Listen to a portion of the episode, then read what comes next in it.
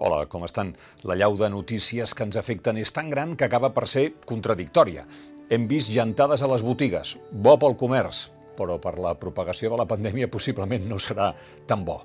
Eh, comença a ser realista pensar que no hem de forçar les trobades nadalenques més enllà de la nostra pròpia bombolla familiar de cada dia. Els Estats Units van celebrar Ara fa dues setmanes el Dia d'Acció de Gràcies, que és la gran trobada familiar que atura el país. Seria eh, com el Nadal aquí, perquè allò el celebra tothom, independentment de la religió o, o la no religió que professi, i els casos s'han multiplicat, o sigui que estem avisats. I alhora, aquí la tenen, la senyora Margaret Kinnan, britànica de 90 anys, la setmana que ve en farà 91, que ahir va ser la primera persona del món en rebre la vacuna de la Covid-19, la fabricada per Pfizer-BioNTech. La dona estava molt contenta perquè aviat podrà tornar a estar amb la seva família després d'haver-se passat un any sola a casa. I minuts més tard, un home de 81 anys, de nom William Shakespeare, i no és una broma, va rebre la vacuna i darrere d'ell desenes de britànics més grans de 80 anys. La vacuna ha arribat al mateix 2020, la qual cosa és un èxit científic sense precedents. Ara hem d'esperar que ens faci profit a tots plegats. Al costat de la pandèmia, van marxar de pont amb el Tribunal Suprem deixant els presos polítics a la presó, alguns per quart Nadal consecutiu. Quart Nadal consecutiu, 17, 18, 19, 20. El Suprem els va negar els beneficis a què tenien dret, eh, com si les decisions de règim penitenciari favorables a aquests condemnats haguessin estat un desafiament a la seva sentència. Ho diu avui en Ramoneda i es, i es veu molt clar, això. Fins i tot la, demanen als presos polítics que rehabilitin. No? I aleshores, parlant de contradiccions, fixem-nos-hi. Ens van pintar el judici del procés com un èxit de l'estat de dret. La justícia havia fet un judici tan just que fins i tot havien accedit a que el veiessin per la tele.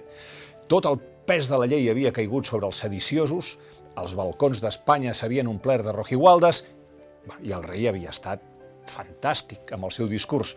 Eh, tan fantàstic com son pare, aquell gran defensor de la democràcia el 23 de febrer de 1981.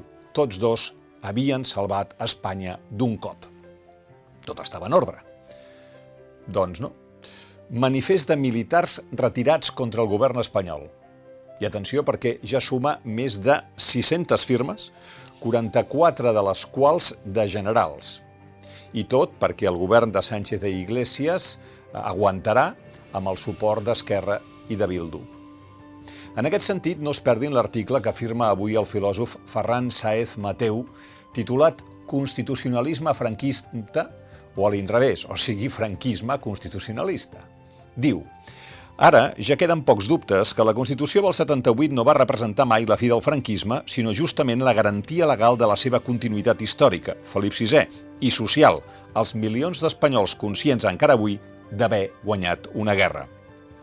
Aquest desembre de 2020, la Constitució del 78 encarna la impunitat del que ha perdurat del cop d'estat del 18 de juliol de, 1900, de 1936 i acaba. Un emblema nazi, enmig d'una concentració per defensar la Constitució espanyola. Això va passar, com saben, a la plaça de Sant Jaume. Això vol dir, ras i curt, que aquí hi ha un malentès monstruós i que els qui l'haurien de resoldre són precisament els constitucionalistes. I diu en Ferran Saez, no sé com s'ho faran.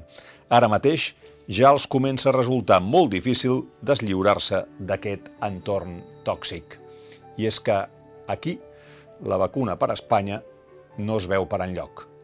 El nostre reconeixement pels que treballen a primera línia de la Covid-19, pels que la pateixen, pels presos polítics, pels exiliats i que tinguem un bon dia.